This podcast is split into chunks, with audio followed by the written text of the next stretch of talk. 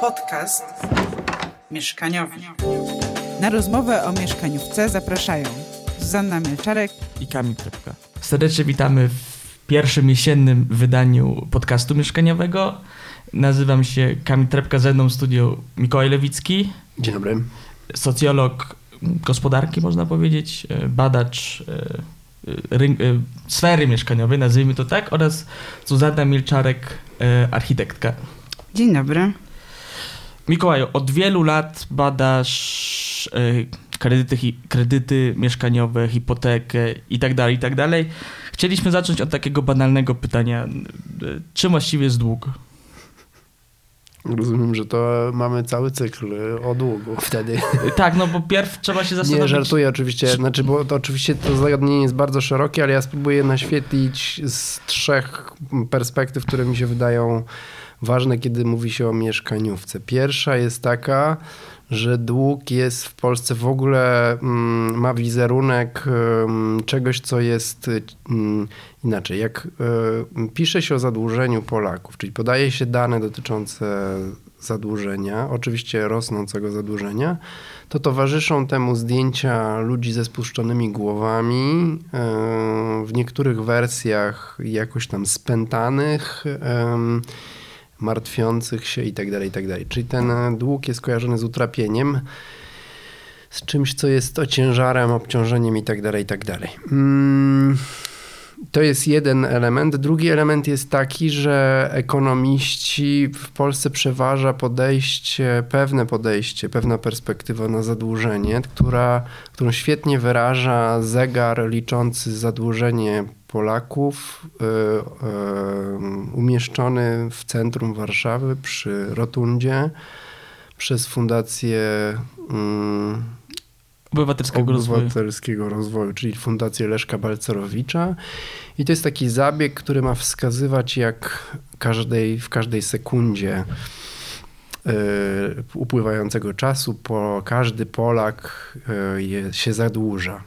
No i oczywiście chodzi o to, żeby to wyobrażenie długu jako obciążenie przenieść na poziom jednostki, już nie, żeby to dotyczyło już nie jednostki prywatnego długu, tylko też publicznego długu. Co generalnie jest no powiedziałbym co najmniej ideologicznym, bo dług w gospodarce pełni bardzo różne funkcje. Na pewno nie są to funkcje, które są związane wyłącznie z czymś, co jest negatywne i obciążające. Są tacy, którzy twierdzą, że w ogóle definicja pieniądza jest oparta na długu. No bo czymże jest pieniądz? Dostaję od ciebie, Kamilu, kawałek papieru. Kiedy go dostaję? Kiedy wykonam robotę. Co się dzieje pomiędzy tym, że dostanę od ciebie kawałek papieru, a wykonuję robotę? Ja ci ufam, a ty się w pewnym sensie zadłużasz u mnie tym, że wyko za wykonaną pracę ty mi zapłacisz. Tym pieniądzem, który coś reprezentuje. Czyli cała relacja, która, która sprawia, że coś wykonane teraz przyniesie owoce później, jest z pewnej perspektywy zadłużeniem, jeśli tylko jedna strona musi podjąć wysiłek, a druga tego wysiłku oczekuje albo chce i pragnie. Tak definiuje dług David Graeber w swojej antropologicznej książce o długu, ale nie tylko on. E, tak się definiuje w ogóle dług w gospodarce, pokazując, że w gruncie rzeczy pieniądz jest oparty na wiarygodności i zaufaniu. I w związku z tym nie jest kwestią pieniądza to, ile jego będzie w gospodarce, czy on będzie mocny, czy słaby i tak dalej, i tak tylko czy ludzie będą mu ufali. Dlaczego to jest istotne dla rozważań o hipotece, zadłużeniu, mieszkalnictwie i tak dalej, i dalej?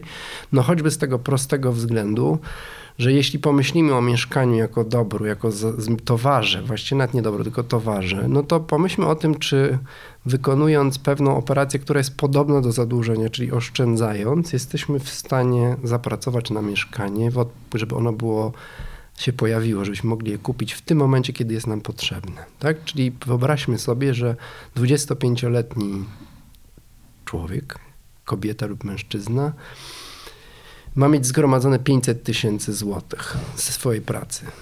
Co to za praca? Ile on pracuje?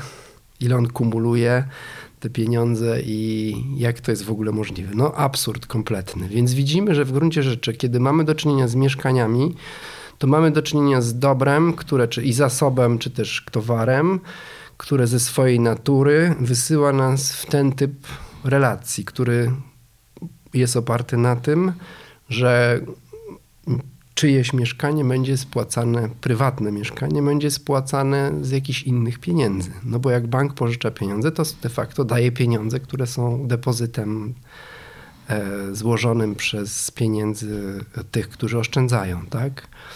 Więc pieniądz krąży i pieniądz jest oparty na zaufaniu. Teraz drugim e, kontekstem ważnym, łączącym zadłużenie z mieszkalnictwem jest taki, że pewien typ długu, pewnie o którym będziemy jeszcze rozmawiali, który się wykształcił we współczesnych gospodarkach kapitalistycznych jakieś 20-30 lat temu, doprowadził do tego, że mm, zaczęto jakby handlować, że jakby mieszkanie stało się nie tylko towarem, ale stało się aktywem i służyło do tego, żeby na podstawie yy,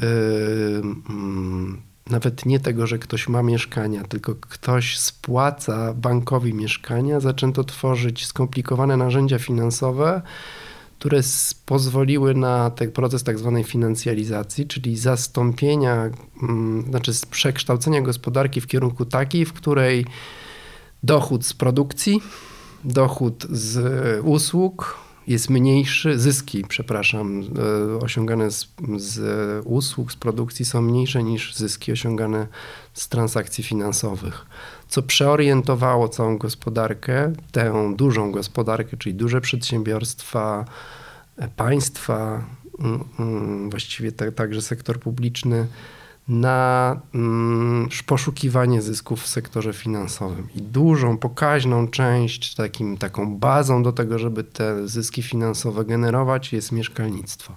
Co znaczy, że zadłużenie podwójnie się wiąże z mieszkaniem. Zarówno na takim poziomie jednostkowym, czyli ktoś pożycza na zakup mieszkania, jeśli kupuje na własność, jak i na takim poziomie systemowym, czyli to zadłużenie jest włożone, wkomponowane w szereg mm, zależności finansowych, które generują bardzo duże zyski, napędzają gospodarkę no i oczywiście możemy się zastanowić, czy w tym kierunku, które, który jest y, jeszcze cały czas związany jakkolwiek z funkcjami czy potrzebami, e, nawet nie jednostkowymi, tylko gospodarczymi, tak? Czyli czy na przykład y, ten system pozwala żyć populacji go stosującej w komforcie. Czy to jest takie, to jest mniej więcej ten proces, który jest pokazany w takim filmie jak Big Short, tak? To dobrze pamiętam? Mówisz o finansjalizacji. Tak, tak. E, też mhm. że oni to powiązali w, w produkty finansowe. E, Skoro już przy tym jesteśmy, e, na ogół, kiedy myślimy o tym, że mieszkanie jakoś jest zależne od sektora finansowego, no to myślimy w ten sposób. No tak, banki pożyczają na zakup mieszkania na procent. I banki mają pieniądze z tego procenta, prawda? Ja pożyczyłem 500 tysięcy, a mam spłacić 700 tysięcy w ciągu 25 lat. Te 200 tysięcy to jest zarobek banku.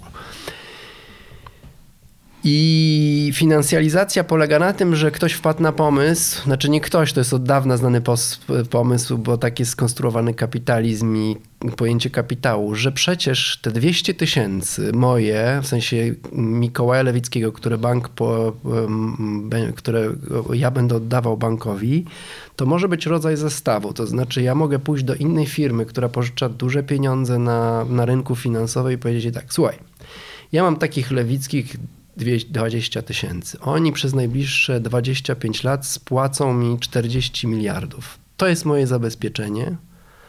To, to, jest, to świadczy o tym, że ja mam pieniądze. Nie mam ich teraz na koncie, ale mam jakby, widzisz, że mam swoją wiarygodność, więc pożycz mi 40 miliardów, żebym mógł je teraz szybko nimi obrócić, oddam ci za 3 dni. I te 40 miliardów pożyczonych na zastaw pod pod kredyty hipoteczne spłacane przez 25 lat służy do tego, żeby wygenerować e, większe zyski w bardzo szybkich transakcjach, krótkoterminowych transakcjach, w, którym już, w których nie ma już e, hipotek i nieruchomości, tylko są inne instrumenty finansowe, na przykład zabezpieczenia kredytów hipotecznych. To są wielopiętrowe konstrukcje, które, w których właściwie najważniejsze jest e, spekulacja, tak? czyli obstawianie, gdzie się szybciej e, zarobi większe pieniądze. No i jakie to ma konsekwencje dla sektora mieszkaniowego? No takie, że odwraca się w którymś momencie, i to miało miejsce na rynkach zachodnich. E, to też sprawiło, że ja się zainteresowałem kredytem hipotecznym nie tylko na poziomie tego, jak ludzie żyją z kredytem hipotecznym i doświadczają go, ale jak to się stało, że w Polsce się nagle rozlała fala kredytów hipotecznych i to jeszcze w frankach szwajcarskich. E, e, odwraca się relacja, no bo generalnie myślimy o tym, no tak, to przecież ludzie potrzebują kredytów idą do banków. I oni będą ich potrzebowali dopóty, dopóki będą potrzebowali mieszkań, więc to popyt kształt, e, kształtuje podaż. Tak? Im więcej będzie tych, którzy chcą pożyczać, tym banki będą miały większą ochotę, żeby ten produkt rozwijać, większy się konkurencja i tak dalej, i tak dalej. Proces, o którym mówiłem, który oznacza, że kredyty hipoteczne służą do generowania bardziej zyskownych narzędzi finansowych sprawił, że hipoteki stały się zasobem, stały się, stały się jakby surowcem. Tak? Jakbyśmy myśleli o produkcji, to to jest taki surowiec, to jest węgiel, z którego dopiero powstanie, powstanie e, energia, a z tej energii wyprodukujemy samochody, prawda? No więc zaczęło brakować tych hipotek. W związku z tym na rynkach tych, które są najbardziej płynne, no za chwilę też jeszcze oczywiście możemy powiedzieć, dlaczego płynne, zaczęto poszukiwać tych, którym można będzie dać kredyt hipoteczny i zjawisko subprime kredyt, czyli kredyty dawane osobom, które mają niestabilną sytuację finansową i które jakby są odczytywane przez sektor bankowy jako bardziej niepewne, a zatem trzeba im pożyczyć na większy procent i tak dalej, i tak dalej plus na przykład e, boom kredytów hipotecznych, boom mieszkaniowy w Hiszpanii był generowany tym, że to wyglądało mniej więcej tak jak w Polsce w którymś momencie wyglądało to z chwilówkami, czyli biegali agenci po ulicy i nakłaniali ludzi, żeby wzięli kredyt hipoteczny, bo to jest bardzo proste, przecież na nieruchomościach się tylko zarabia i tak dalej, i tak dalej. No i to, e, to są takie, dlaczego to jest też istotne? No dlatego, że w, na tych rynkach nie tylko nieruchomości zostały wkomponowane w sektor finansowy, jednocześnie wzmacniając jeszcze powszechne przekonanie, że na nieruchomościach, na nieruchomościach można tylko zarabiać, e, ale także e, no właśnie stały się, ich dostępność nie polegała na tym, że ludzie się wzbogacili, tylko sektor finansowy zauważył, że lepiej jest stworzyć sobie produkty, które będą dla uboższych, bardziej ryzykowne i niepewne, ale jednocześnie pozwalające wygenerować te bardziej zyskowne produkty finansowe niż czekać, aż się wzbogaci społeczeństwo. Tak? No i w ten sposób e, doszło do kryzysu, e, globalnego kryzysu finansowego, w którym chodziło generalnie o to, że ktoś w którymś momencie zaczął się pytać, to ja sprawdzę czy te kredyty hipoteczne, jak wy mówicie, że spłaca, ludzie spłacają je w ciągu 20 lat, to ja sprawdzę, czy oni, spra- czy oni spłacają i kto to w ogóle jest. No i jak ktoś zaczął mówić sprawdzam, no to tak jak mniej więcej w każdej, każdej spekulacji, także w pokerze, jak ktoś blefuje, no to drugi myśli sobie, o kurczę, to to może wszystko jest na blefie oparte i traci się zaufanie do, nie tylko do poszczególnych graczy, ale w ogóle do tej całej gry. E, czyli przyjmuje się, że no może w takim razie w każdym banku są aktywa, które są lewe, które są oparte na jakimś, na jakimś, na jakimś e, produkcie finansowym, czytaj jakimś kredycie, na przykład hipotecznym, który po prostu jest, będzie niespłacalny. No i w ten sposób jakby zamrożony został sektor finansowy, banki przestały sobie pożyczać, zabawa się na chwilę za, za, zastopowała, po czym wróciła do, do mniej więcej tej, tej, tego stanu, który był wcześniej, czyli jakby co do zasady sektor finansowy mniej więcej funkcjonuje tak samo, jest troszkę w miejscami przykarbowany, ale Gdy patrzymy na przykład na nieruchomości, to, to bardzo dużo się nie zmieniło. Może już nie ma tak agresywnej polityki, przy, czy też takiej agresywnej akcji przyznawania kredytów hipotecznych. Powstały nowe regulacje, które nieco ograniczają te formy, ale fundament pozostał ten sam. On pochodzi jeszcze z czasów y, lat 80., początku neoliberalnego kapitalizmu, w którym połączono to, co wcześniej było rozdzielone i co było bardzo roz, zdroworozsądkowe i fajne. To znaczy, że pieniądze, które pożyczają ludzie po to, żeby kupić mieszkanie, samochód, cokolwiek innego, nie powinny być angażowane w sektor finansowy. I to zakładała bo zakładały ustawy, ustawa konkretna w Stanach Glass-Steagall Act, która została w latach 80. zniesiona. I to otworzyło drogę do tego, żeby połączyć te dwa sektory, które wcześniej były oddzielone, na takiej zasadzie właśnie zdroworozsądkowej. Nie angażujmy pieniędzy zwykłych szaraków w sektor finansowy, który jest oparty na spekulacji i na, jest, za, jest jakby zaawansowany, jest zabawą dla, yy, że tak powiem, zaawansowanych zawodników. Jak popatrzymy sobie na, na rynek kapitałowy, no to w gruncie rzeczy on jest też na tym oparty. Jak chcesz handlować akcjami, a nie tylko inwestować jako Polak szarak, to musisz mieć licencję maklerską. I ta licencja ma być pewnym gwarantem Twojej kompetencji, ale też zabezpieczeniem. Jesteś ubezpieczony przed różnymi ryzykami. Więc jak wchodzisz na ten rynek, to wchodzisz z całym dobrodziejstwem inwentarza. W momencie, kiedy te dwa rynki zostały spięte razem, no to gospodarstwa domowe stały się elementem tego całego układu, a przez to też E, stały się taką jednostką, podmiotem na rynkach, którym wcześniej gospodarstwa domowe raczej nie były. To znaczy gospodarstwa domowe w gospodarce występowały jako e, konsumenci albo jako odbiorcy różnego typu świadczeń państwowych, publicznych itd., tak itd., tak a nie jako podmioty, które aktywnie są wkomponowywane w ten rynek inwestowania, obracania pieniędzmi itd., tak itd. Tak Dlatego dzisiaj, kiedy mówi się o finansjalizacji, to mówi się o tym, że, że, że to jest ten wymiar, który jest nowy, tak? Znaczy, że gospodarstwa domowe zaczęły, zaczęły funkcjonować na nim trochę jak, taki, jak, jak tacy inwestorzy. Jak takie podmioty, które mają aktywa i pasywa, a już nie tylko przychody i e, dochody, prawda? I to ten, ten proces y, jest, jest o tyle niebezpieczny, no, że tak jak wspomniałem, on włącza to ryzyko, które wcześniej było specyficzne dla rynków finansowych w życie, życie kredytobiorców. No i poniekąd życie frankowiczów, żeby tutaj zrobić skok do rzeczywistości, która może być nieco bliższa słuchaczom, wyglądało, było pod, miało cechy tego życia właśnie gospodarstwa domowego, które jest sfinansjalizowane, czyli zarabiałem, e, miałem ten kredyt na jakieś pieniądze. Jak go brałem, to sobie wymyśliłem, że będę zarabiał tyle i tyle i kredyt będzie stanowił powiedzmy 20% mojego budżetu domowego.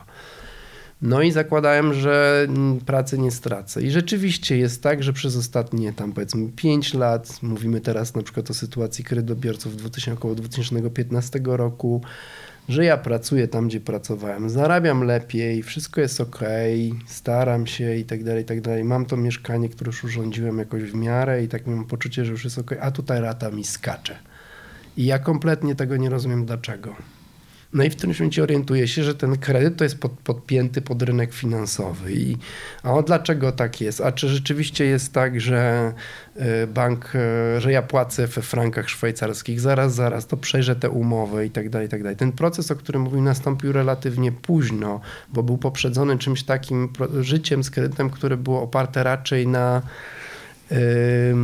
na staraniach i przekonaniu, że kredyt hipoteczny jest mój tylko. To znaczy, że jeśli coś się z nim dzieje, tracę pracę albo rośnie rata, y, jest inflacja, na przykład teraz, prawda, jest inflacja, no to to są takie ryzyka, które ja muszę wziąć na siebie, na, że tak powiem, za przeproszeniem, na klatę i sobie z nimi dać radę. Czyli albo więcej pracować, podejmować więcej wysiłku, albo oszczędzać, prawda? No bo to ja się zobowiązałem w umowie, że będę spłacał co miesiąc. Dopiero po jakimś czasie i w, ramach jakiegoś tam procesu społecznego, o którym możemy sobie powiedzieć, ludzie zaczęli sobie uświadamiać, że kredyt to jest relacja z bankiem, który jest drugą stroną umowy, jemu też zależy, żeby była spłata, a tak naprawdę to ta umowa niekoniecznie musi być e, e, symetryczna, czyli dawać obu stronom mniej więcej tyle samo.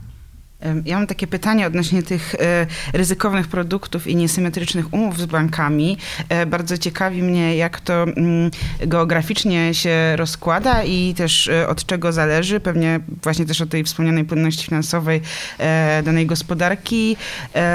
Popularność kredytów hipotecznych o zmiennym oprocentowaniu, bo to też można zaobserwować, że w różnych krajach jest różnie. W Polsce banki zwykle nakłaniają do brania właśnie takiego kredytu, podczas gdy na przykład w Niemczech czy w Holandii e, raczej standardem są te kredyty o stałym oprocentowaniu. Mhm.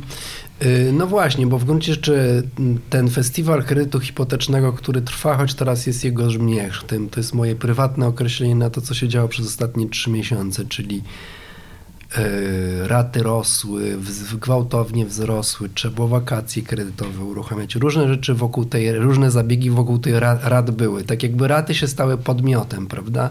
One nas zaskakiwały, przerażały, y, raty były bolesne i tak dalej, i tak dalej.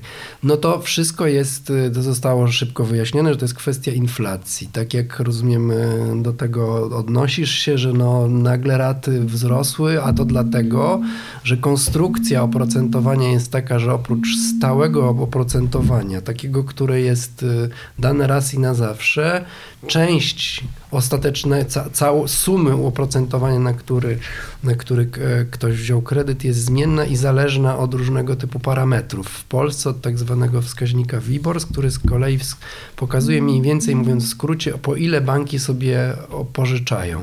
Chociaż, I one- chociaż przepraszam, Mhm. niektórzy ekonomiści twierdzą, że to w Polsce jest fikcyjny. Wszędzie jest fikcyjny, możemy o tym jeszcze roz- porozmawiać, ale, w, ale to może nie w tym momencie. W każdym razie chodzi mi o to, że mm, no te banki pożyczają sobie biorąc pod uwagę inflację, więc jeśli jest inflacja, no to one sobie drożej pożyczają, wskaźnik WIBOR leci w górę i oprocentowanie kredytów hipotecznych leci także w górę. Eee, I teraz s- słusznie zauważyłeś, że nie wszędzie tak nie jest. Generalnie przez długi czas w Polsce e, powtarzano taki argument, no, że Polska jest krajem na dorobku, waluta, polski złoty nie jest tak pewny jak inne waluty.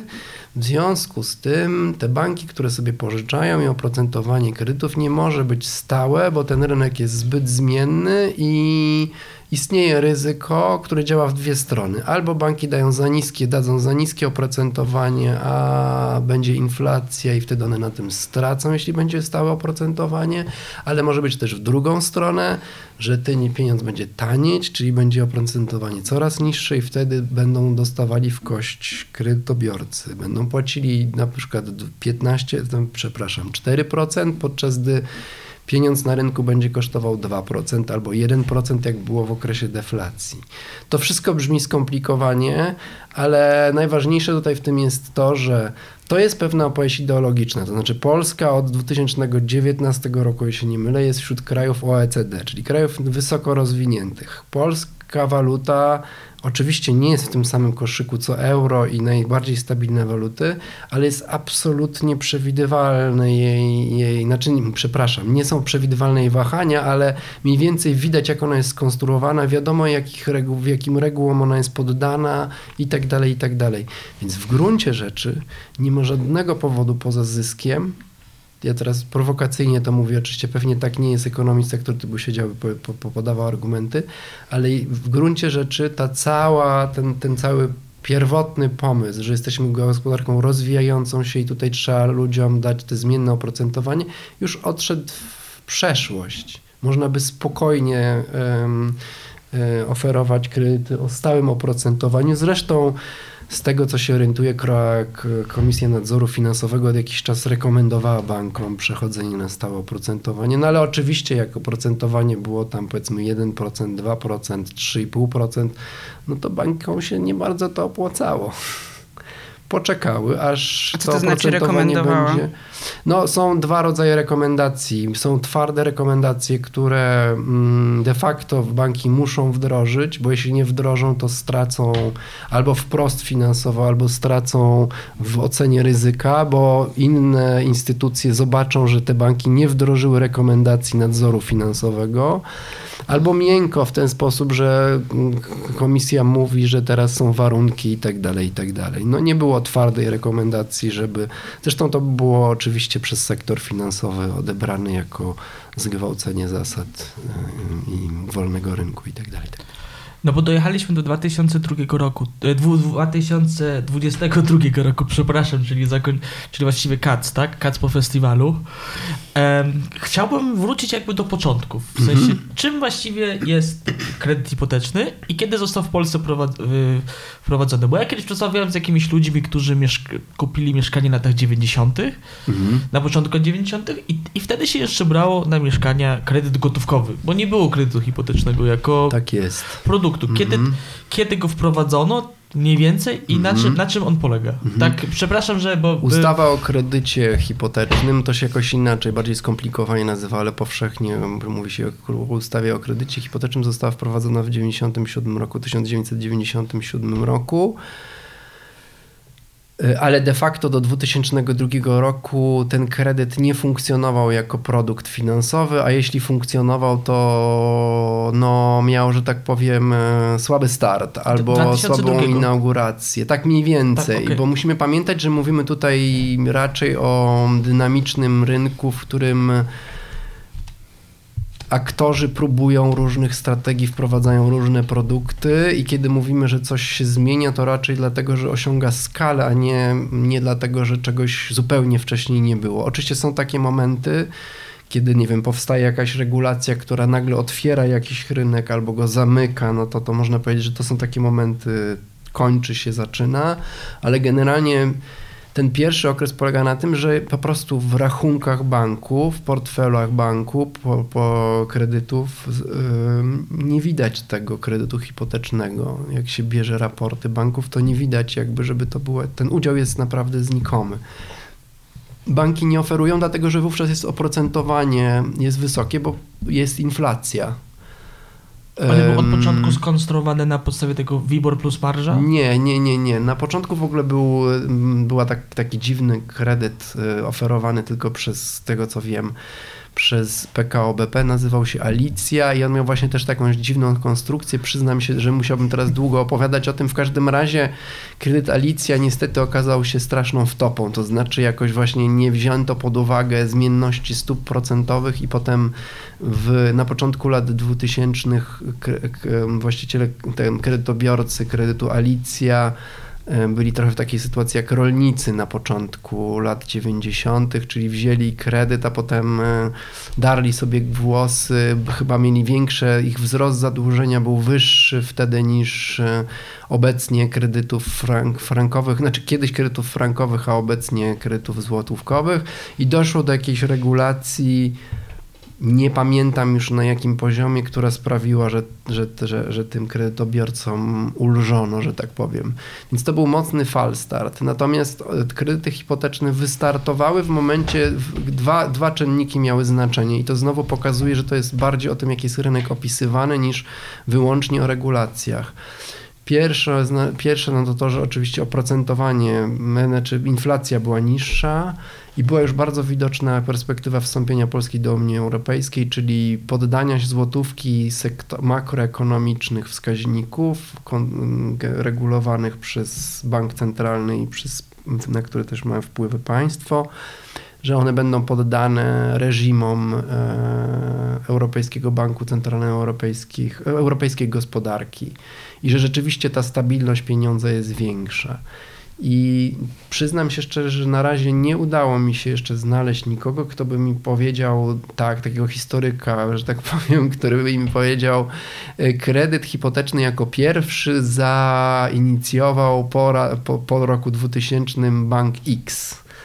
Jest taka, parę, parę, parokrotnie słyszałem taką opowieść, że pierwszym produktem kredytu hipotecznego ze zmiennym oprocentowaniem przyczepionym już do e, Liboru, czyli wskaźnika e, e, międzynarodowego, europejskiego, nawet nie europejskiego, międzynarodowego, zaoferował GE mm, Bank, czyli bank amerykański, tak, który wtedy jeszcze istniał, potem został wykupiony przez jakiś większy podmiot. W każdym razie, że to był że to był produkt, który na początku zafunkcjonował jako kredyt walutowy bardziej niż kredyt złotówkowy. Kredyt złotówkowy, nawet jeśli pojawił się równolegle, to na pewno w tym pierwszym okresie 2002-2008 y, no był dużo mniej popularny, no bo po prostu był droższy.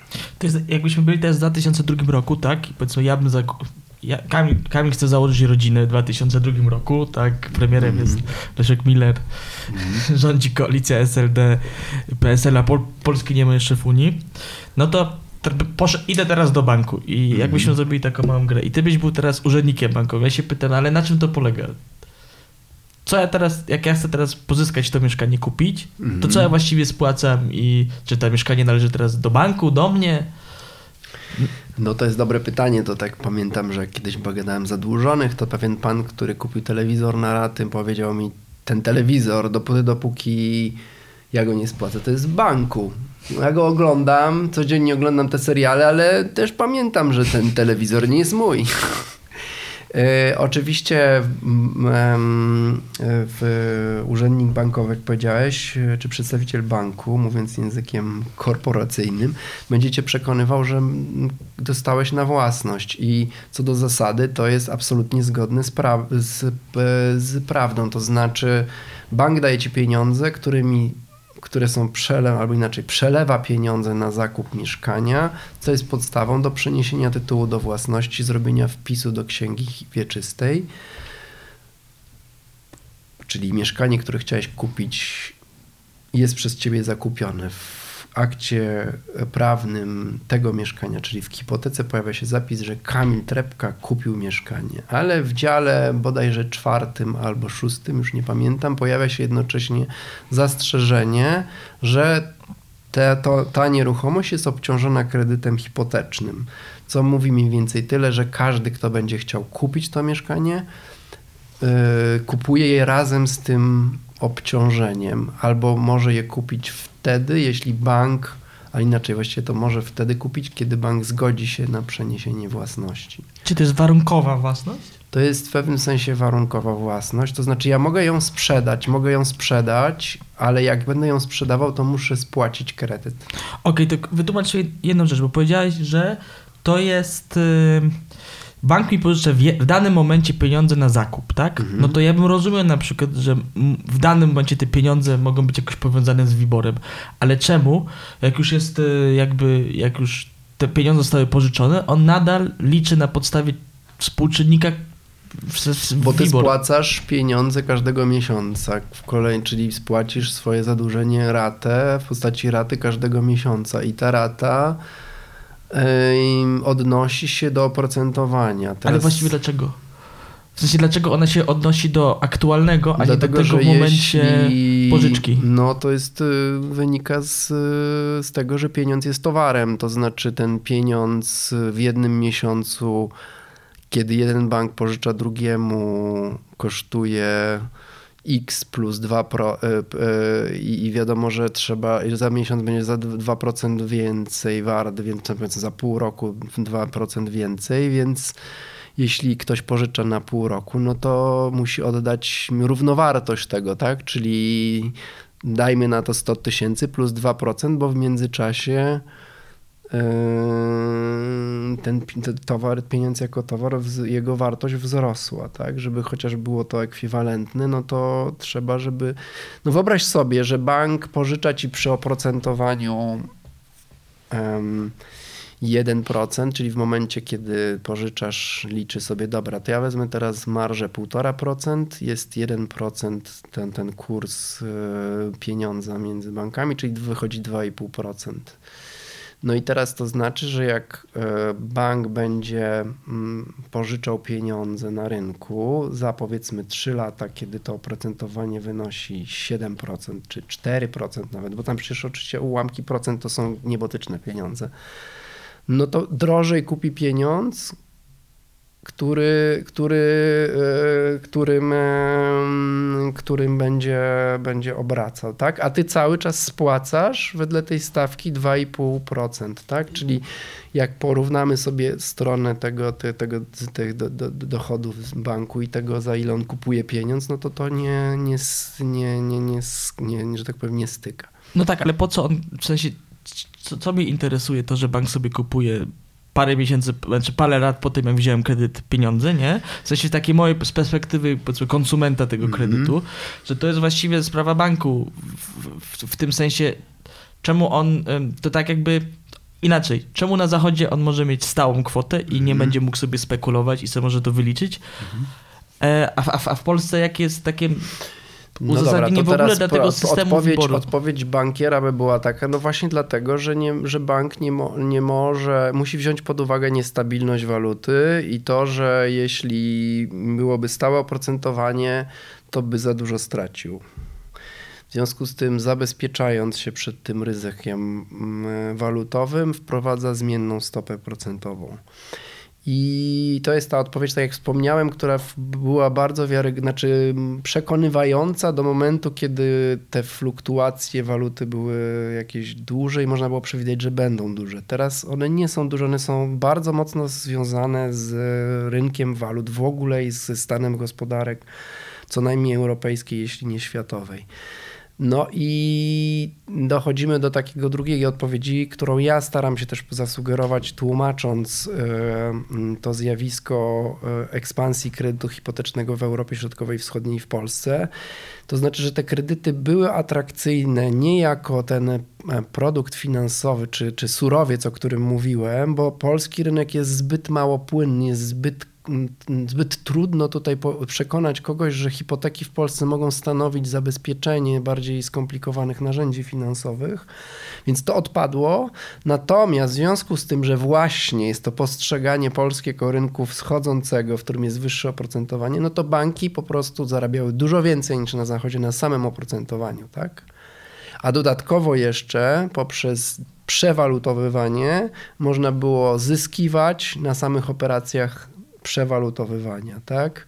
E, to znowu już nie chcę tutaj wprowadzać kolejnego wątku, ale generalnie chodzi o to, że ta, ta, ta manipu, jakby operacja na samym oprocentowaniu była dużo bardziej zyskowna co do zasady w porównaniu do do oprocentowania i tego, co można zrobić z oprocentowaniem w krajach, w których jest euro, w których jest dolar, w których to oprocentowanie, nie wiem, nie, trudno sobie wyobrazić, że miało być wyższe niż 2%, prawda? A tutaj mamy dzisiaj 8, tak? Czy tam w każdym razie w niektórych krajach 20 i tak dalej, i tak dalej. Więc jakby to taka znowu ten aspekt taki bardziej dyskursywny, czy też jakie, jakie ramy poznawcze są tworzone dla poszczególnych gospodarek, by mówił mniej więcej tyle, że dopóty, dopóki będą tacy, którzy będą mówili, że no ten polski rynek to jest taki nie, ten polski sektor finansowy taki jeszcze niedojrzały i tak dalej, i tak dalej, no to będzie to stanowiło paliwo do tego, żeby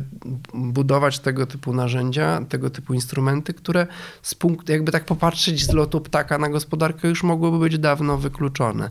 I po prostu mielibyśmy teraz taką sytuację, że banki przez najbliższe lata byłyby stratne, tak? Bo mm, mm, klienci banków, kredytobiorcy spłacaliby e, kredyt wedle stawki tam powiedzmy 3% czy 5%, ale potem pewnie mogłoby się odwrócić, czyli kiedy doszłoby do stabilizacji złotówki, mm, powiedzmy nawet była, była, załóżmy, że ona by wróciła do tych stanów, które, była, w których, które mieliśmy jeszcze dwa lata temu, no to z kolei kredytobiorcy byliby e, stratni. Tak? I teraz tu dochodzimy do ciekawego pytania. Czy Polacy są gotowi zrezygnować też z tej spekulatywnej natury oprocentowania. To znaczy, czy też jest tak, że Polacy na przykład będą się domagać tego oprocentowania stałego i będą chodzili do banków i mówili: Nie, proszę mi tu dać stałe oprocentowanie, chcę bezpieczeństwa, chcę przewidywalności, nawet jeśli mam stracić. No bo to, to, to trochę tak się czyta tę historię polskiego rynku, tak jak takie doregulowanie, znaczy zwiększenie, zwiększanie tych regulacji po tym, bo pierw mieliśmy, yy, znaczy po, po każdej jakiejś aferze, bo pierw by, tam w latach 2000 były na przykład kredyty y, z bardzo niskim wkładem własnym i wtedy wprowadzono coraz wyższy ten wkład własny. Potem były franki, ona jakby pewnie cała kredyt frankowy, który był powiązany z, z walutą i z wahaniami franka.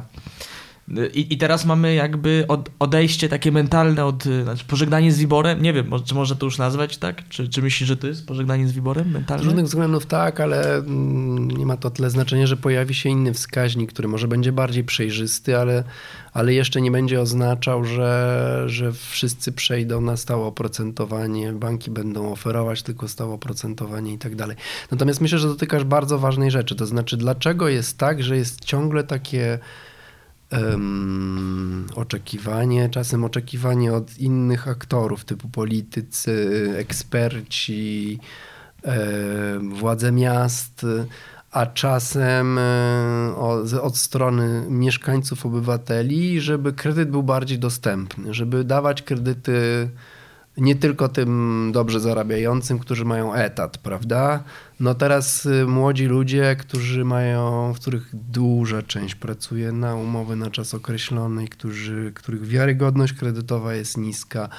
Wcale nie dlatego, że zarabiają słabo tylko, ale też dlatego, że mają, nie mogą się pochwalić y, etatem, czyli mówiąc inaczej, czymś, co dla banku jest yy, kryterium zwiększającym wiarygodność osoby, która się stara, stara o kredyt. Nawet jeśli oni będą mieli ten, e, te, te, te, te, te, te, te większe dochody, to jeszcze nie jest jasne, czy bank im ten kredyt da. No to teraz Oczywiście e, w świecie, w którym kredyt hipoteczny jest właściwie ekskluzywnym sposobem na dostanie, na, na uzyskanie mieszkania na własność poza dziedziczeniem i gotówką, która też jest specyficznym zakupem, e, no, powstaje takie oczekiwanie, że może trzeba stworzyć w takim razie jakieś narzędzia, które sprawią, że ten kredyt będzie bardziej dostępny.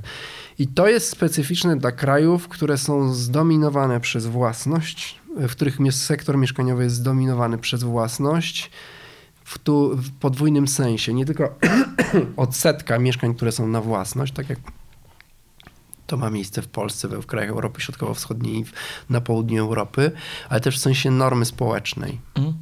I o tym musimy pamiętać. Jeśli weźmiemy tu, bardzo pouczająca jest historia Hiszpanii. W latach 60., czy jeszcze w 50., przepraszam, bo w 60. już zostały wprowadzone te zmiany, o których za chwilę powiem. Yy, rynek, znaczy sektor mieszkaniowy był podzielony. Istniał dość silny i dynamiczny sektor najmu yy, komercyjnego, sektor najmu niekomercyjnego, czyli różnego typu mieszkalnictwo komunalne, socjalne, jak to się mówi, nie było jakoś specjalnie rozwinięte. Na pewno nie tak jak później w Anglii, ale no, była alternatywa. Nie musiałeś kupować mieszkania, mogłeś sobie je wynajmować na rynku. Ten rynek był w miarę konkurencyjny. Też bez ostracyzmu, ostracyzmu społecznego, w sensie tak. jak byłeś zamożny i mieszkałeś w, w wynajmowanym to mieszkaniu, jest okay. to jest okej, okay, tak. To pewnie zależy. Przez konkurencję rynkową też y, można było wynająć mieszkania, które niekoniecznie były luksusowe, ale za to były tanie. E, no i mm, mm, Franco wymyślił sobie, że uburżuazyjni robotników, przyznając im, tworząc dla nich fundusz taki publiczno, publiczny, quasi publiczny, pozwalający im wziąć kredyt hipoteczny. I dzięki temu kredytowi hipotecznemu robotnicy staną się właścicielami mieszkań. Jak się staną właścicielami mieszkań, to zaczną myśleć jak klasa średnia o tym, że oto teraz mają mieszkanie, mają swoją własność, za nią są, w związku z tym są odpowiedzialni i tak Czyli w pewnym sensie użył kredytu hipotecznego jako narzędzia społecznego i moim zdaniem to narzędzie społeczne jakby jest wkomponowane w kredyt w związku z tym, że kiedy ja kupuję mieszkanie, to nie kupuję tylko towaru, ale kupuję też coś, w czym będę rozwijał swój projekt, długofalowy projekt dobrego życia. Nawet jeśli będę w nim mieszkał dwa lata i poza dwa lata je sprzedam, tak jakby kredyt hipoteczny przez swoją konstrukcję, przez to, że to zobowiązanie jest długoletnie i jest na, na zasób, na dobro, które jest jednym na ogół najdroższym towarem, które, które człowiek kupi, mm, wkomponowuje e, w, to, w te cztery ściany i te 400 tysięcy, dajmy na to, które człowiek pożycza, plany życiowe, prawda? Co ja będę robił przez te dwa lata, gdzie będę za dwa lata, gdzie będę pracował, z kim będę żył, czy będę miał rodzinę, e, Y, jak urządzę to mieszkanie i tak dalej. To są takie pytania, które sprawiają, że ten kredyt nabiera takich cech i emocjonalnych, ale też powoli i w Polsce, i w ogóle też w biografiach ludzi nabiera cech statusowych, czyli jak ja będę miał własność, no to, mm, to będę jakimś typem obywatela.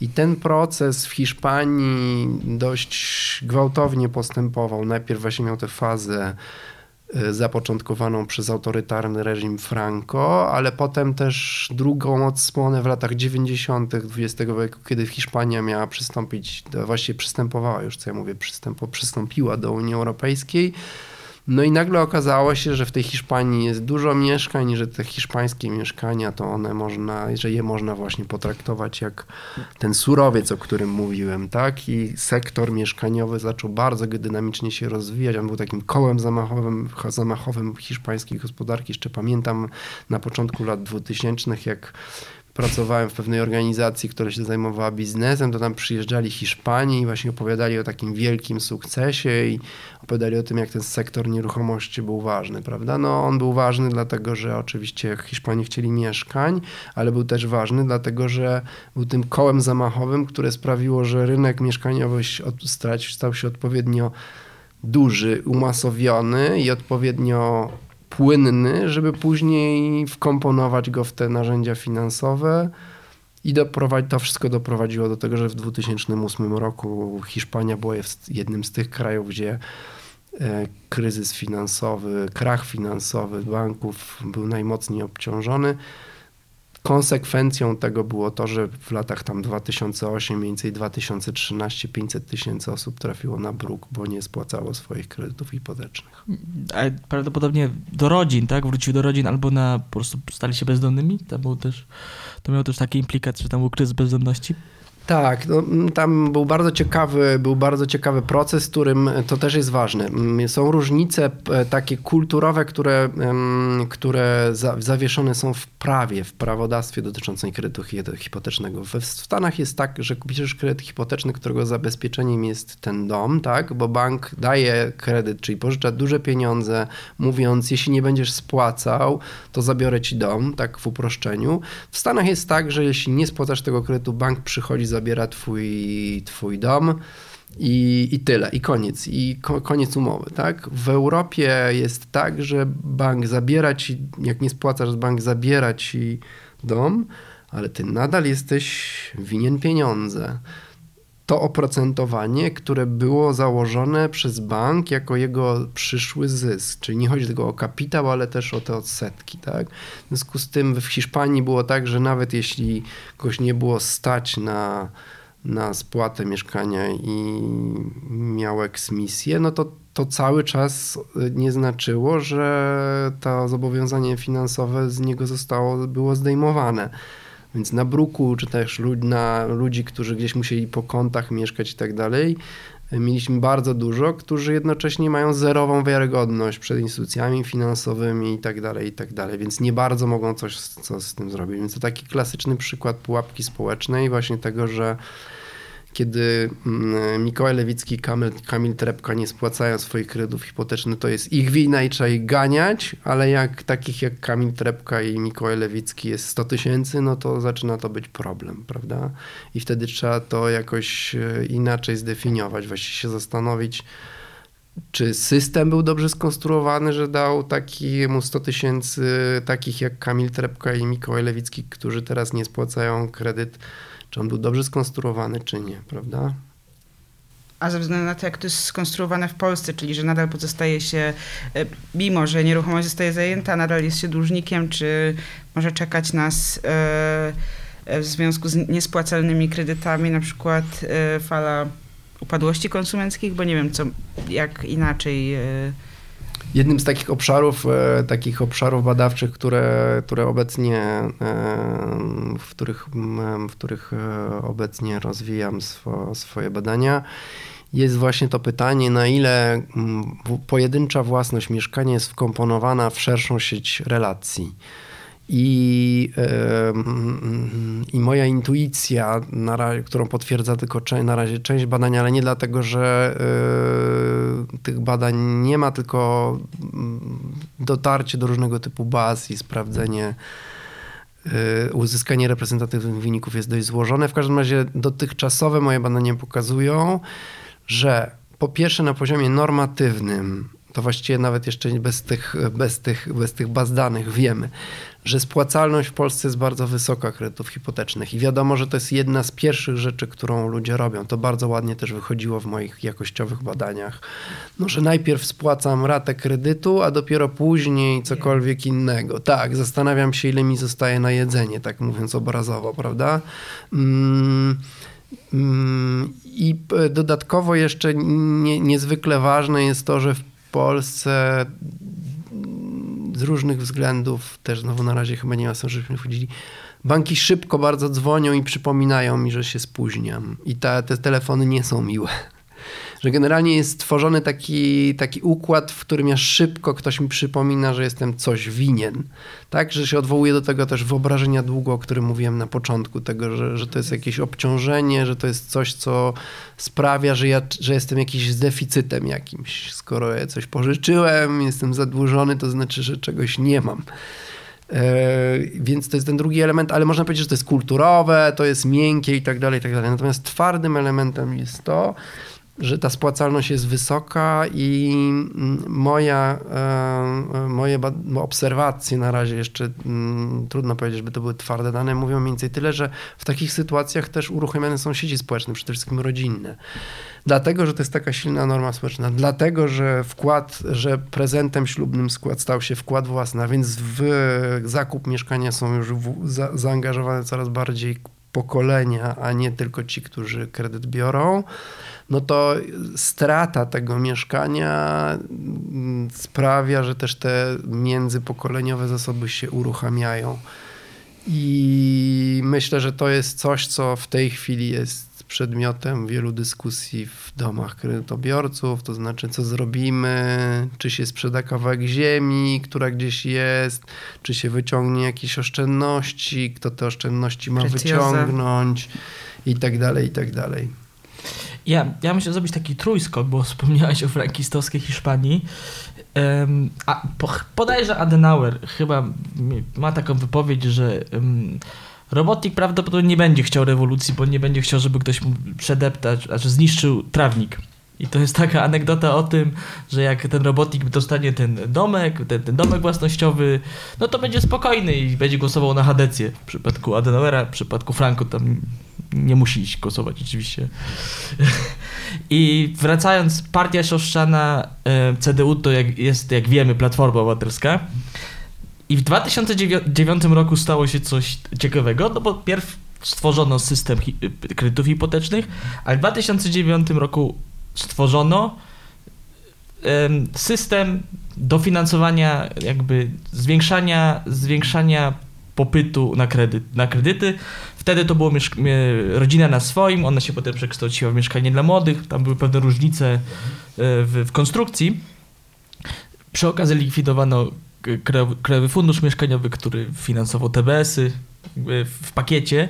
I moje pytanie jest o to, dokąd zmierza ten model? Czy ten model własnościowy, który wtedy był wzmocniony, y, jak przejedziemy potem historycznie, mam 2015 rok, y, mm, Prawo i Sprawiedliwość przejmuje władzę, jest stworzony program Mieszkanie Plus, on ma mniejsze lub większe sukcesy, Potem jest zmiana pro programu TBS na program SIM, gdzie, gdzie, gdzie też w, w TBS wprowadzono dochodzenie do własności.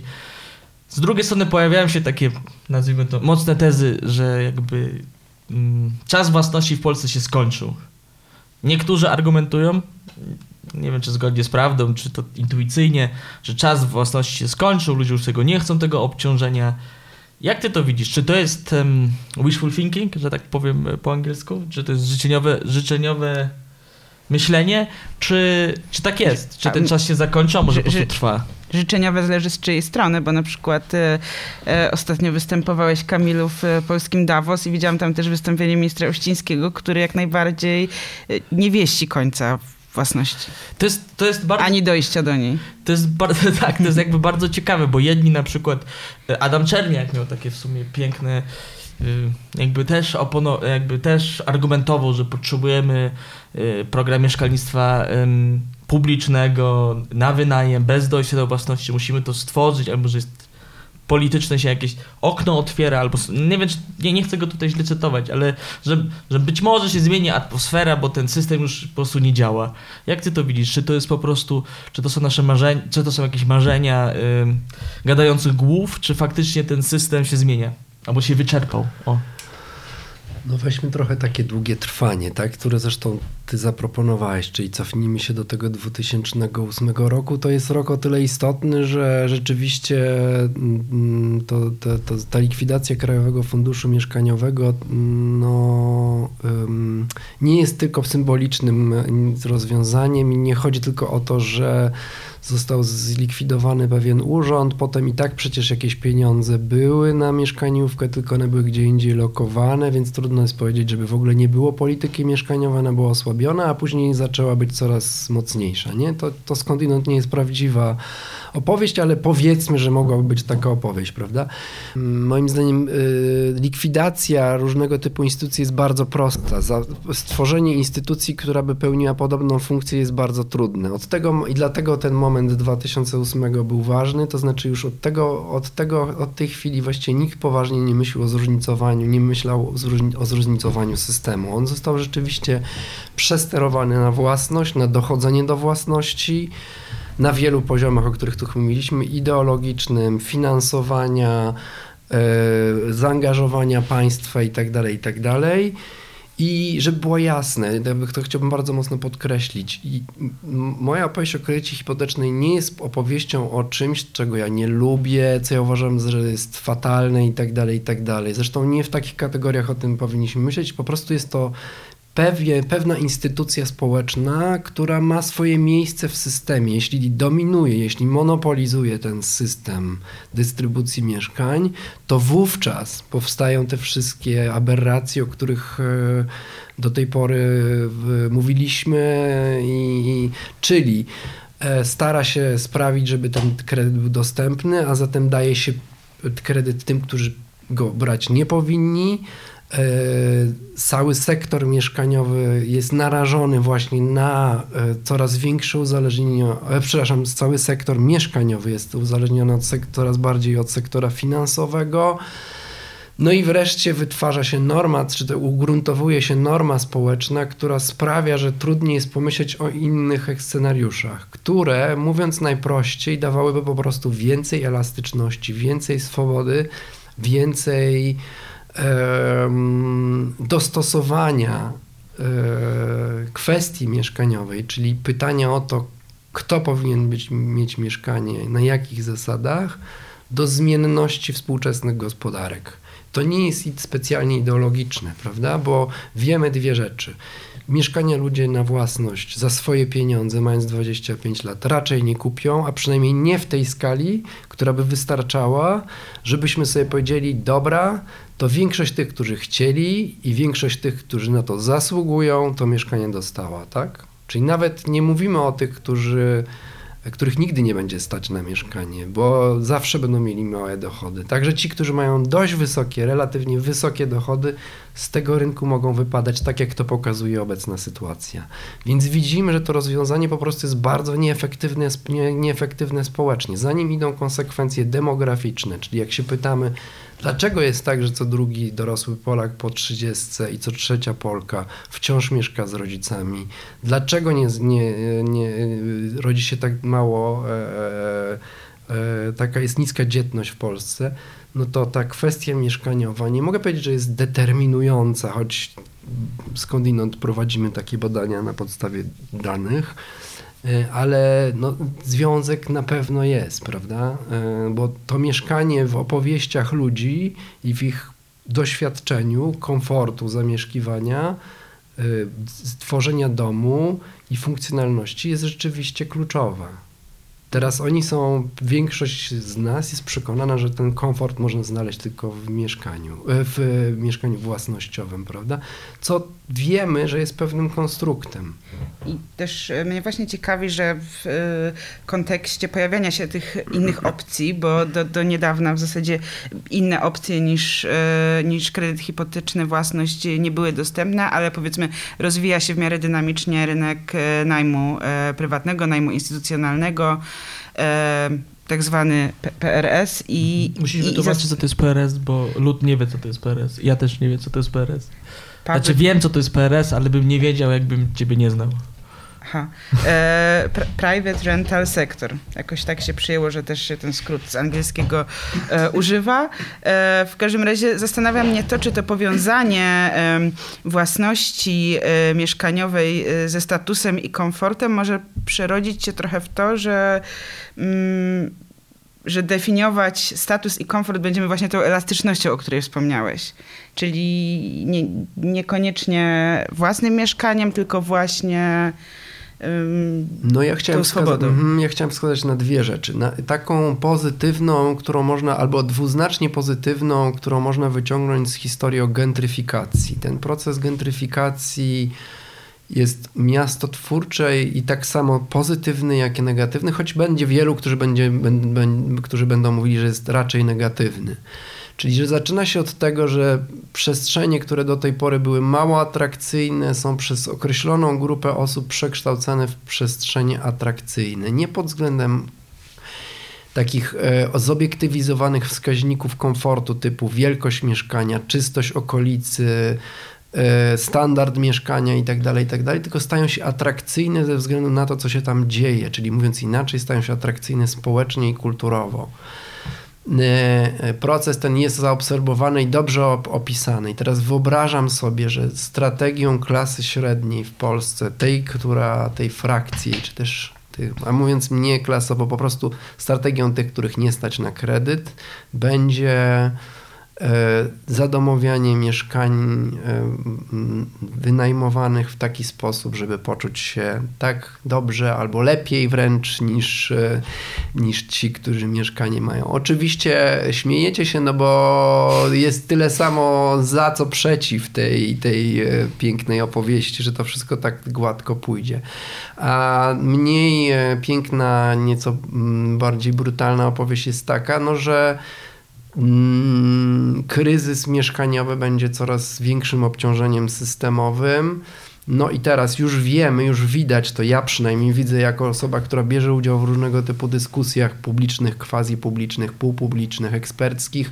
Rzeczywiście ta legitymizacja rynku najmu teraz jest bardzo silna, czyli że będzie duży, duży nacisk także instytucji moim zdaniem publicznych, czyli rządu, parlamentu i tak dalej, żeby ten rynek odpalić, żeby umożliwić, stworzyć takie regulacje, które by sprzyjały rozwojowi instytucjonalnego rynku najmu, no bo tu musimy jedną rzecz zaznaczyć, że ten, ta nazwa PRS, ona ma też odróżniać dotychczasowy rynek najmu od tego, który ma wejść, czyli że ten polski rynek najmu jest oparty na indywidualnym najmie, czyli ja, właściciel mieszkania, teraz trochę się pobawimy, ja, właściciel mieszkania, wy, wynajmuję Kamilowi mieszkanie, które jest moje. Najlepiej, żebyśmy to zrobili bez wiedzy, bez informowania um, urzędu, urzędu Podatkowego, no bo po co mamy za to płacić więc podpisujemy taką umowę, ona jest trochę umową, ale trochę albo nie, w ogóle nie jest, albo w ogóle nie podpisujemy to, umowy. To ty musisz płacić podatki za to, nie ja. Ale, no tak, ale wtedy ja ale ci mówię, jak będę musiał płacić podatek, to ci jeszcze stówkę muszę dorzucić do tego czynszu, więc po co masz płacić jeszcze stówkę, prawda? I tak dalej.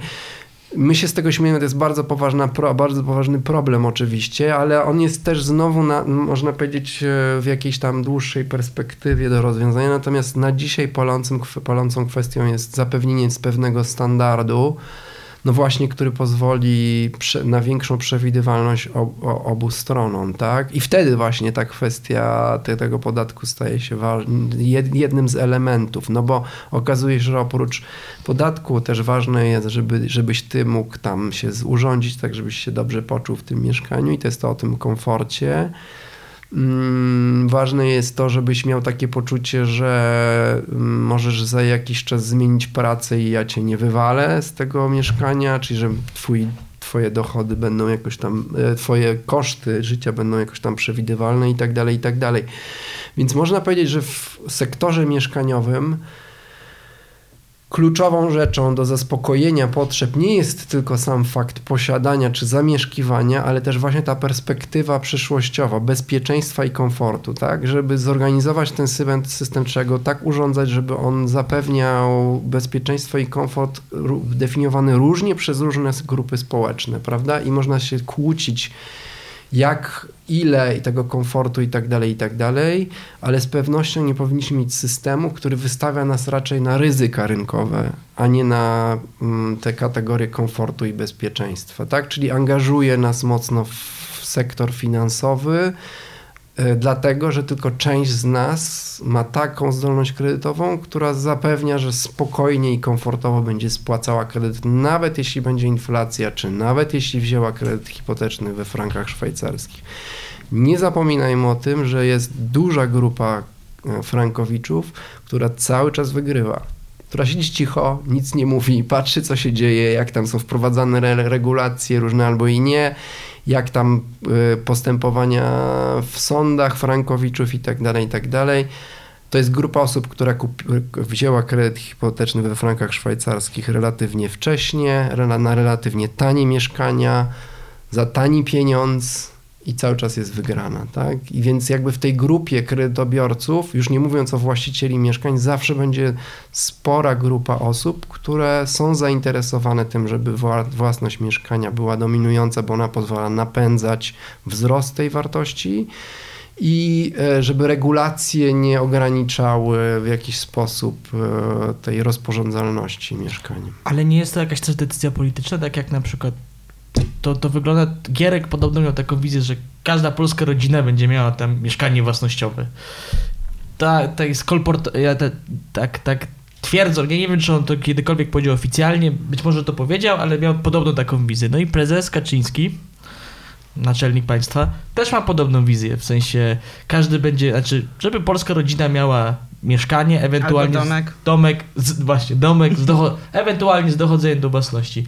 Czy da się Bo dochodzenie do własności jest takie słodkie, no bo to jest niby, no będziesz w sumie, my ci pomożemy, żebyś dostał tę własność, ale czy ona nie powtarza też, yy, czy, czy, ten schemat nie powtarza też właściwie tego, że ci ludzie będą właścicielami i nie likwidują tego problemu, że po prostu nie, nie powstaje zasób mieszkań na wynajem? Oczywiście, że tak. No to jest jakby też dla mnie totalną aberracją, że trzy czwarte programów, które powstają i które są uważane za tak zwane mm, posuwający sprawę do przodu, postępowe i tak dalej, czyli które przewidują e, mieszkania na wynajem albo często jeszcze w tej bardziej postępowej wersji tworzenie jakiegoś miksu, gdzie jest wynajem rynkowy i nierynkowy, bądź e, zróżnicowany rynkowo najem, który pozwala zaspokoić potrzeby różnych grup społecznych, że w nich bardzo często istnieje zapis o dojściu do własności. To znaczy, że państwo angażuje się, angażuje swoje pieniądze, regulacje, instytucje itd., tak itd. Tak w pewien system, nad którym później oddaje władztwo, tak? To znaczy, ja rozumiem, że kwestią jest stworzyć rynek najmu, ale też go w pewien sposób utrzymać jako alternatywę do własności. E, I jeśli nie będziemy tworzyli takiego właśnie systemu, który wytwarza alternatywy, no to nie zaspokoimy tych róż, rozmaitych potrzeb społecznych. I to jest jedna odpowiedź. A pytałeś się, o, mówiłeś o tym prezesie i o własności. No, to jest absolutnie pro, pro, projekt w tym sensie, w tym sensie można powiedzieć, że nic w Polsce od 20 lat się nie zmieniło. To znaczy ta własność, to przekonanie o tym, że mieszkanie ma być na własność, pozostaje bez względu na to, czy rządzi partia X czy Y. No i oczywiście możemy się pytać, dlaczego tak jest i tak dalej, i tak dalej. Pewnie to by wymagało też takiej dyskusji właśnie o projektach ideologicznych i ramach takich poznawczych, wedle których podejmuje się decyzje, które są traktowane jako decyzje ekonomiczne. E, no ale niewątpliwie jest tak, że dochodzimy do takiego momentu, kiedy widzimy, że te indywidualne wysiłki kredytobiorców i tak dalej, i tak kompletnie nie wystarczą. I tu mi się wydaje, że jest ten moment takiej ściany, do którego dochodzimy. To znaczy, że nawet jeśli ja będę tym, czyli w ten, tak w sensie wyczerpuje się formuła merytokratycznego porządku, w którym jeśli ja będę skupiony na swojej karierze, karierze, na tym, żeby zarabiać pieniądze i wymyślę sobie, że za trzy lata wezmę kredyt hipoteczny na mieszkanie, to to się stanie. Tak? No właśnie widzimy teraz, że to się nie staje. I wydaje mi się, że ten że udział tych osób, które zobaczą, że pomimo wysiłków indywidualnych e, e, no coś się dzieje takiego, co jest absolutnie poza moją kontrolą, tak? W związku z tym trzeba przedefiniować jakby reguły gry, będzie rosła i będziemy obserwowali taki proces, jaki właśnie na przykład to, towarzyszył Frankowiczom. Żeby była jasność w, tych, w, tych, w, tych, w, tych, w tej historii Frankowiczów, jest tak, że jest grupa tych, którzy dochodzą praw, są aktywni, poświęcają się temu i tak dalej. I duża część, która jedzie na tym, na tym, w tym wagonie na gapę. No. Ja jeszcze mam jedno finalne pytanie, bo ty byłeś e, na wielkim festiwalu polskiego liberalizmu, no bo tutaj w powiedzmy socjaldemokratycznej krytyce możesz pięknie mówić o najmie i powiedzmy, że prowadzący się zgodzą. To jest trochę to może być inspirujące, ale jest też trochę nudny. Byłeś na Wielkim Święcie Liberalizmu bodajże w Olsztynie, na kampusie Polska i tam rozmawiałeś powiedzmy z ludźmi, którzy no nie są nominalnie y, lewicą, albo mają trochę inną perspektywę. Jak, jak, y, jak reagowali na te nie wiem, nie, nie, nie, nie, nie, nie, nie znam, nie, nie, nie byłem tam na tym, na tym kampusie. Ale... Ja rozmawiałem z eksperta, ekspertkami i e, posłankami. E, Jakie były ich reakcje? Właściwie właśnie? zgoda była co do tego, że system ma być mieszana, więc nie, nie ma być oparty tylko na hipotece. Ale e, wszedłem w dużą polemikę na temat tego statusu własności, czy dochodzenia do własności, prawda? Bo ja uważam, że to jest fundamentalne. To znaczy, że jeśli mamy od angażować sektor publiczny w zróżnicowanie, w stworzenie innego systemu itd., tak itd., tak to nie możemy oddać jako ludzie, jako obywatele, którzy się angażują swoje zasoby w ten sposób, nie możemy oddać kontroli potem w ręce prywatne, e, tylko dlatego, że trzeba było przejść i tak dalej, i tak dalej. W tym sensie też tworzenie regulacji dotyczące tego zinstytucjonalizowanego rynku mieszkaniowego też powinna być poddana nie po prostu założeniu, że oto uwolnimy uwolnimy, stworzymy takie regulacje, które uwolnią ten rynek i po prostu napłyną tutaj duże pieniądze i tutaj, prawda, za tymi dużymi pieniędzmi finansu, instytucji finansujących pojawią się duzi deweloperzy, a przecież mamy też dużych deweloperów i nagle po prostu rozleje się po Polsce fala mieszkań czynszówek. na wynajem, czynszówek. Tutaj... Tylko, że, że, że grozi nam pewien określony scenariusz, ten scenariusz, który się zrealizował w całej Europie Zachodniej, czyli dużych mono, monopolizacji, czyli tego, że wraz z tym instytucjonalnym najmem pojawią się duże firmy, które stopniowo wy, mm, wykończą, że tak powiem, atrakcyjność takich Mikołajów Lewickich wynajmujących Kamilowi Trepce mieszkanie na boku bez umowy. No bo nagle się okaże, że te firmy oferują w standardzie na tyle dużo, że właśnie rozwiązują te dwie podstawowe rzeczy, które dla mnie są kluczowe, czyli bezpieczeństwo i komfort. Ale w Polsce najem instytucjonalny jeszcze tak naprawdę nie zapewnia w pełni tego bezpieczeństwa i komfortu e, ze względu na stosunkowo łatwą eksmisję póki co i... i to jest wysoko, wysoko drogie to mieszkanie. No. Te, tak, nie, jeszcze nie rozwinął się taki, za bardzo taki mm, sektor dostępny tego tak, najmu. No i dlatego I też mówię, długości no to umów... teraz może, bo ktoś by się zastanawiał, a dlaczego ja mówiłem o tym sektorze publicznym, jak mówiłem o rozwoju um, um, prywatne, znaczy rynkowego najmu? No dlatego, że żeby ten, ten rynek osiągnął swoją skalę, prawdopodobnie, no, można powiedzieć tak, w tej chwili są wszystkie dostępne narzędzia. Są, firm, są banki, które pożyczają pieniądze, są firmy, które zajmują się deweloperką, są firmy, które się za, za, zajmują zarządzaniem. No więc dlaczego nie odpalił ten rynek? No, no dlatego, dlaczego? że na razie jest bardzo niekonkurencyjny wobec własności, czyli koszty najmu są wyższe albo porównywalne z kosztami raty kredytowej. E, I teraz, e, żeby osiągnąć odpowiednią skalę, więc żeby tych mieszkań na wynajem było odpowiednio dużo, żeby e, była zróżnicowana oferta, tak? Żeby były tanie mieszkania w niższym standardzie, droższe mieszkania w droższym standardzie, żeby one były w różnych miejscach, żeby jednym słowem było mniej więcej tak jak teraz myśli o, o zakupie mieszkania przyszły kredytobiorca, prawda? Czy lepiej kupić dwa pokoje w, bliżej centrum, czy trzy pokoje na suburbiach, prawda? Co to właściwie dla mnie znaczy? Czy mnie stać na taki kredyt, czy na inny? Jeśli wezmę ten, to za i tak dalej, i tak dalej, prawda? No więc, żeby doprowadzić do tego typu sytuacji, że najemca ma ofertę, prawdopodobnie trzeba będzie w to zaangażować jakiegoś typu regulacje, które pozwolą inwestorom na większą przewidywalność. I dyskusja o tak zwanych rejtach, czyli takich instytucjach finansujących właśnie ten sektor najmu instytucjonalnego, to jest dyskusja właśnie jak, jakie warunki stworzyć, żeby tym rejtom się opłacało, żeby one weszły do Polski jako taki stabilny system finansowania inwestycji w rynek najmu instytucjonalnego. No i tutaj dochodzimy do tego, o czym zaczęliśmy, czyli od tej, tego społecznego postrzegania długu i tego, że dług jest pewnym, pewną konstrukcją, pewnym zobowiązaniem.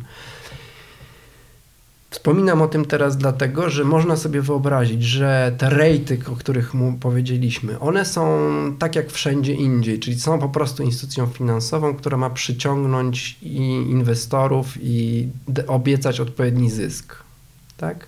Ale ten zysk może być albo skierowany, odbiorcą jego może być ten dynamiczny, spekulacyjny rynek finansowy, albo może być ta jego część, której Polska jest krajem z gospodarką, w której się parkuje pieniądze, w której się mając portfel inwestycyjny wrzuca tak jak mamy w ubezpieczeniach, prawda? Nawet jak e, tam Polacy dostali ofertę ubezpieczeń, prywatnych ubezpieczeń emerytalnych i rentowych, no to tam się ich przekonywało, że są trzy rodzaje tych, tych, tych, tych, tych, tych funduszy. Jest taki stabilnego wzrostu i tam ubezpieczyciel, który bierze nasze pieniądze, inwestuje je w obligacje i tam inne rzeczy. Jest taki średni i dynamiczny i tobie to tam zależy.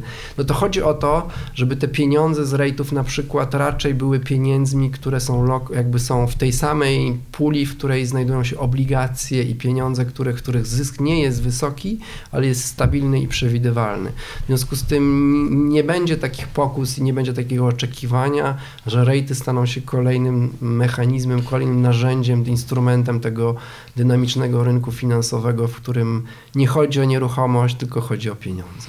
Ale to chyba już tak kończąc, będzie też wymagać takich poważnych regulacji. Na przykład w Austrii te fundusze mogą inwestować w mieszkalnictwo dotowane, tylko mają bardzo dużo regulacji. To są bezpieczne pieniądze, ale bardzo obwarowane wielką warunkowością, w sensie muszą e, zapewnić taki i taki, czy dostają też dotacje i tak dalej, muszą spełniać bardzo dużo wymogów. Mi się Więc wydaje, to, że to nie jest też... tylko kwestia regulacji, to znaczy to jest kwestia właśnie tego, o czym mówimy, tego, społe- tego konstruowanego kulturowo i społecznie, ale także politycznie e, wyobrażenia e, tego, czym ma być pieniądz, zadłużenie i obietnica zysku. I to jest tworzone także przez to, w jaki sposób opowiada się o gospodarce. Czy opowiada się o niej jako gospodarce, która jest niestabilna, na dorobku, która no właśnie jest taka trochę lewa, więc tutaj trzeba uważać i tak dalej, i tak dalej, czy buduje się wizerunek gospodarki, która jest już ustabilizowana, w której jest grupa ludzi, którzy chcą bezpieczeństwa i komfortu i tak dalej, i tak dalej i dla nich może być skierowana oferta,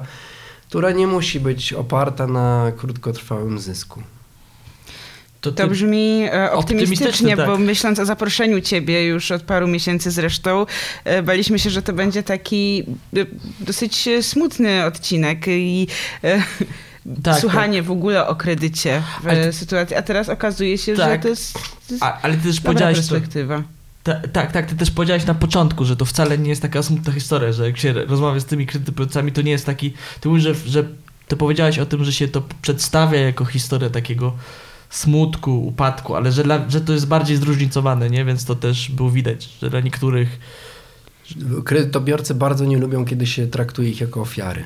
E, I trzeba też to jakby wziąć pod uwagę i mieć ku temu szacunek. Tak? To znaczy, że ci, którzy wzięli kredyt hipoteczny, wzięli na siebie pewien, pewną odpowiedzialność i no, mm, na pewno nie jest to dwuznaczne moralnie. Ja, ja wczoraj pisałam do Kamila, że natrafiłam w telewizji na program Życie na kredycie. Nie wiem, czy go znasz, Mikołaju, ale tam e, bohaterowie tego e, programu, e, tego paradokumentu czy dokumentu, przedstawiani są dosyć radośnie. Ten kredyt to jest taki ich kredycik. Te raty rosną, ale nie, nie było, nie było no tam historii o to, żebyśmy teraz smutku. wzięli ten optymizm i odpowiedzialność, tylko uspołecznili dług, czyli żeby prze, żebyśmy teraz wymyślili system, w którym dla bezpieczeństwa i komfortu ludzie, którzy chcą kupić mieszkanie, kupowali je wspólnie, to znaczy inwestowali czy, czy brali zobowiązanie w, pewnym, w pewnej grupie, w pewnej instytucji, która decyduje się na, na, kup, na budowę jednego domu, kwartału itd., itd.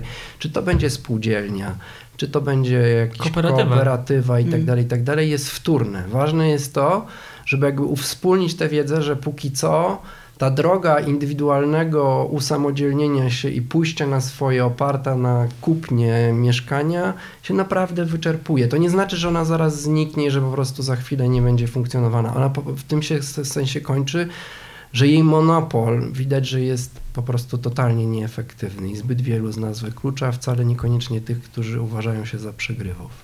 I myślę, że to jest optymistyczne zakończenie, bo za, dziś, dzisiaj, znaczy, dzisiaj postulowałeś mieszkań, bu, znaczy rozbudowę sektora mieszkalnictwa społecznego, kop, rozwoju kooperatyw, teraz rząd przedstawił ustawę i w sumie bardzo, bardzo, bardzo w optymistycznym tonie możemy zakończyć tę rozmowę. I bardzo dziękujemy, że znalazłeś czas. No i za, z zawołaniem takim, skoro jesteśmy w podcaście krytyki politycznej, pred z własnością. Żartuję oczywiście. E, tak. Nikt nie jest przegrywem. E, Dziękujemy. Tak, dziękujemy bardzo. Doktor e, habilitowany Mikołaj Lewicki, socjolog z Uniwersytetu Warszawskiego. Dziękujemy. Dziękuję, do widzenia. Podcast mieszkaniowy.